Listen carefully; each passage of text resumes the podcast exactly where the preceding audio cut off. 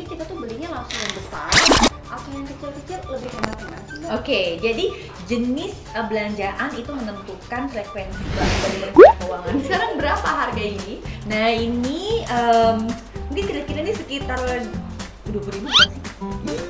Tujuh belas ribu. hampir. Nggak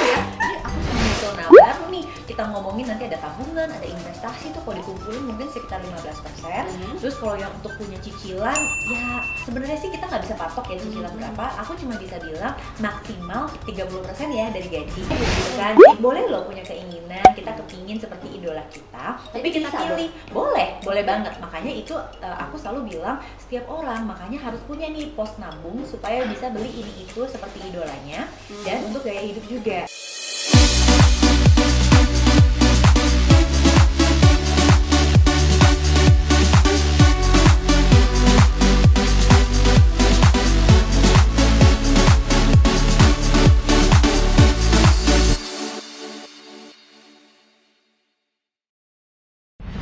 Assalamualaikum, halo teman-teman Kembali lagi ya ini Mbak Analisa Uang Dan kali ini ada pakar keuangan kita yang udah nggak asing lagi Mbak Prita Gozi Yeay.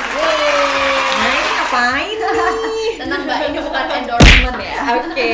Jadi ini Mbak Prita itu kan kita kenal sebagai pakar perencana keuangan Dan juga seorang ibu rumah tangga ya Iya. Pastinya tahu dong harga semuanya Aku pengen tahu Tahu nggak ya? Aduh, jadi Ah, deg-degan. bener. Jadi ini testing gitu Mbak Mbak bener nggak sih valid sebagai perencana keuangan Bisa nebak harga sekaligus ibu rumah tangga yang tahu harga semua produk Mm-mm, Karena eh, penting nggak sih Mbak kita memilih produk itu dari harga dan mungkin ada pertimbangan tertentu gitu Oke kita tebak ya satu-satu ya Berapa harga produk ini? Hmm, ini kan sachet ya. Mungkin tebakan aku antara 15 ribu ke 20 ribu. Jawabannya adalah Dua puluh lima ribu. Oke, belum ya, belum ada poinnya masih nol ya. Oke, baiklah. Berikutnya, produk Molto. Produk ini karena mungkin sachetnya kecil, tebakan aku ini mungkin sekitar 10 ribu. 10.000 ribu, bagaimana ibu? Delapan ribu lima ratus. Yeah, boleh. 2 ribunya ongkos Ya, ya, itu, ya. ojek. Parkir, ojek. Ojek nggak boleh mbak.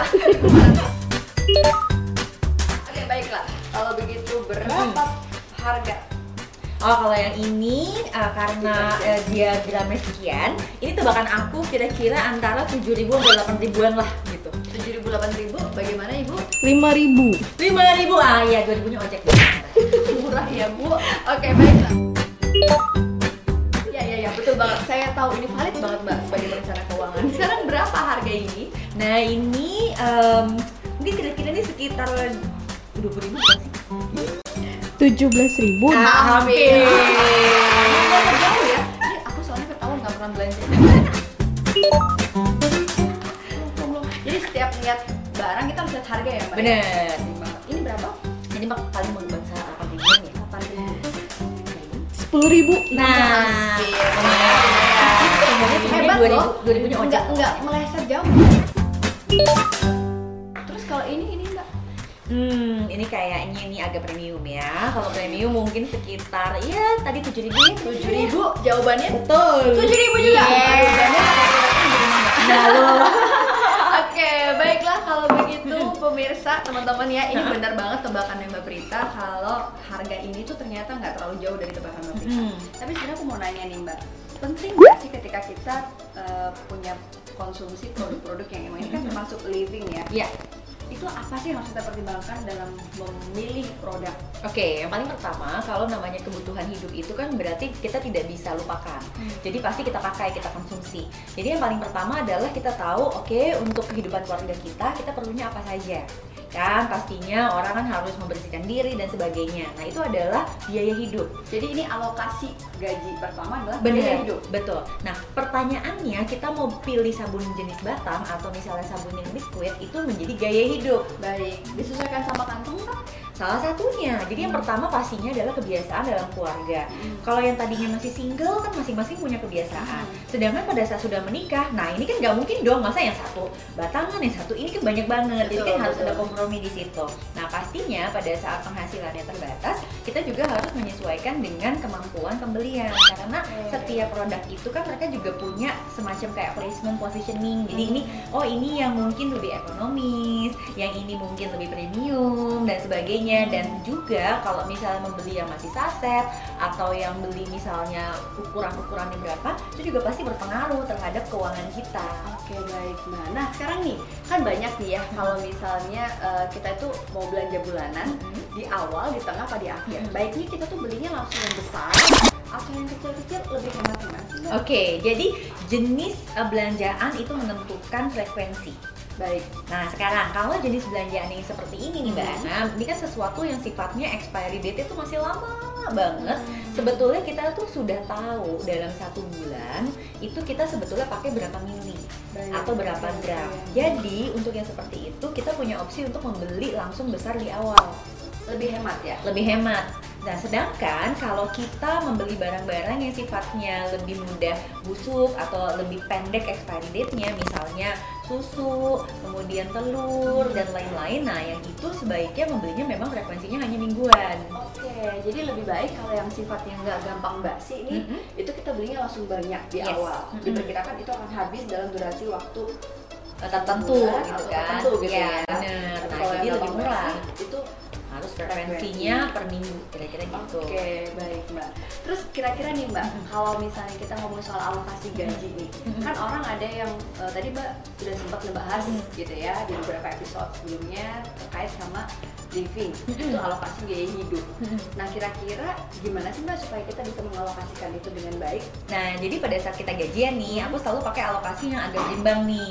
Jadi kalau misalnya menyeluruh kan pasti dimulai dengan zakat dulu. Jadi Zakat jangan dulu. lupa nih dikeluarkan zakatnya. Zakat tuh mungkin sama bantuan sosial dan lain-lain itu kalau dikumpulin bisa aja 5% dari gaji kita. 5% dari Dari gaji gaji kita. Oke, baik. 5% ya teman-teman ya.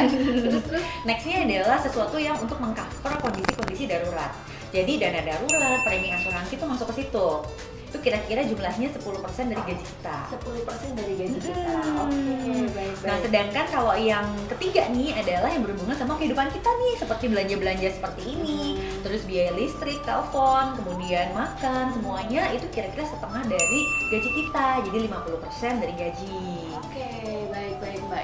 Keren banget ya. Jadi alokasi itu penting banget dilakukan di awal. Mm-mm, betul. Nah, baru nih kita ngomongin nanti ada tabungan, ada investasi tuh kalau dikumpulin mungkin sekitar 15%. Mhm. Terus kalau yang untuk punya cicilan, ya sebenarnya sih kita nggak bisa patok ya cicilan Mhm. berapa. Aku cuma bisa bilang maksimal 30% ya dari gaji. Maksimal 30% dari gaji. Nah sekarang efeknya apa? Kalau cicilannya sampai 30% maka biaya hidup yang kayak gini-gini ini harus milih yang lebih ekonomis Oke, jadi kalau kita pilih produk, Mm-mm. kita lihat dulu lagi ada cicilan kagak. gitu Iya, kalau misalnya lagi banyak cicilan ya terpaksa deh yang yang mungkin Yang yang merek tertentu turun downgrade dulu. ya gitu mau gimana lagi karena kan Realistis memang ya. kita harus realistis. Betul, betul. Nah kita juga punya yang namanya post structure itu gaya hidup. Nah kalau gaya hidup ini yang kembali lagi, oke ini gayanya sukanya yang mana nih? Apa sukanya misalnya yang cair atau yang batangan atau misalnya suka dengan harum tertentu? Nah itu adalah gaya hidup.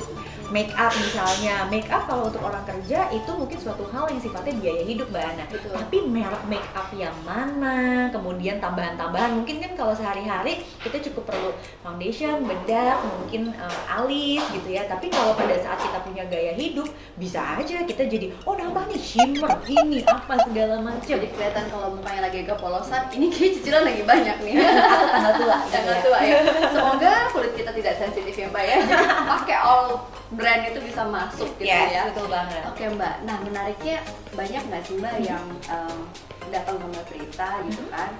Itu tuh kayak ngalamin satu masalah psikologis sendiri yang sebenarnya dia tuh nggak nggak bisa downgrade sama gaya hidup dia. Banyak Apalagi sih sekarang sosmed begitu mempengaruhi kehidupan kita. pasti. Jadi yang namanya eh, sosial media dengan banyak influencer kita kan juga mungkin punya tokoh-tokoh favorit ya gitu. Yang mana kita merasa bahwa mungkin mbak Ana kan sebagai psikolog tahu lah bahwa dia merasa eh, kalau saya juga pakai yang sama aku tuh kayak dia ya nggak Nah, sih? jadi kayak sekarang tuh bukan ke produknya tapi kayak ke fanatik sama sosok orangnya ya sosoknya pertanyaannya penghasilanku kayak dia nggak ya gitu kan itu problemnya kalau lu bukan nama belakangnya itu ya gak usah pakai itu gitu ya ya ya ya ya, ya. Nah, sekarang artinya apa? Kita pilih deh gitu Hmm. kan. Jadi boleh loh punya keinginan, kita kepingin seperti idola kita, tapi Jadi kita bisa pilih. Boleh, boleh banget. Makanya itu uh, aku selalu bilang setiap orang makanya harus punya nih pos nabung supaya bisa beli ini itu seperti idolanya Hmm. dan untuk gaya hidup juga. Tapi tidak melupakan investasi. Pertanyaannya pada saat uang kita terbatas, yang mana sih yang menjadi prioritas buat kita? Hmm. Apa kita ingin mengikuti sosok idola kita dalam hal pemakaian make upnya, atau dalam hal misalnya jajan kulinernya, atau mungkin tempat-tempat wisatanya? Nah itu harus dipilih. Oke, tapi kalau manusia kan banyak maunya tuh ya mbak BM. Jadi dia kalau pengen semuanya problem nggak dong. bisa. Jadi memang prioritas itu harus ada, Prioritas. itu harus ada, dan kita harus tahu apa yang sebenarnya kita mau, bukan apa yang orang lain pengen lihat kita mau apa. That's the point nih teman-teman. Ini yang lagi uh, jadi problem semua millennials dan bukan cuma millennials sih sebenarnya semua orang gitu ya. Intinya jangan membahagiakan orang lain tapi untuk diri kita karena kebahagiaan kita nggak tergantung dari apa yang mereka minta tapi apa yang kita butuhkan dan itu nyambung ke perencanaan keuangan kita. Yes. Cocok banget kita harus sering ngobrol deh mbak biar bisa Harus. bertukar informasi dan experience kita ngadepin klien masing-masing ya dari sudut pandang seorang perencana keuangan dan juga psikolog. Oke, thank you banget mbak Prita. Thank you, Terakhir nih, boleh nggak kasih satu semangat buat teman-teman dan selalu ngikutin apa yang Mbak Prita edukasi di sosmed Mbak Prita. Yes, jadi kita tuh semua ya punya uh, satu statement nih di Z Finance yaitu biaya hidup itu murah, biaya pamer itu mahal. Nah, supaya kita nih bisa terus-terusan uh, membuat diri kita semangat untuk mau melihat oke apa nih yang harus kita lakukan, jangan lupa untuk follow IG aku di @pritagozi dan follow IG-nya Z Finance di @zfinance dan untuk bisa makin semangat lihat semua tips kita di blog www.zfinance.co.id. Aduh, keren banget sih Mbak Prita. Tapi bener banget nih teman-teman ya daripada nih kamu selalu uh, shock ketika stalk stalking idola terus habis itu baper sendiri karena nggak sesuai sama kantong gitu ya. Nah, mendingan biar balance kamu harus sering-sering follow IG Mbak Prita dan jangan lupa kamu juga harus follow IG APDC Indonesia nih Mbak. Jadi aku punya satu uh, Instagram juga Mhm. dari sekolah pengembangan diri aku di Yes. Jogja. APDC Indonesia ini juga sering memberikan edukasi tentang bagaimana kamu bisa sehat secara mental dan tentunya secara uang juga ngaruh. Mungkin kita bisa, bisa bikin konten juga ya. Pasti Mana timnya di sini ya. Langsung kesepet ya. Aduh PR nih bikin konten. Jangan lupa juga follow IG aku analisa.widianingrum dan juga subscribe eh, analisa channel karena item ini akan terus bisa kasih manfaat buat teman-teman biar bisa sehat secara mental dan sehat secara finansial. Thank you banget buat semuanya. Assalamualaikum. Dadah.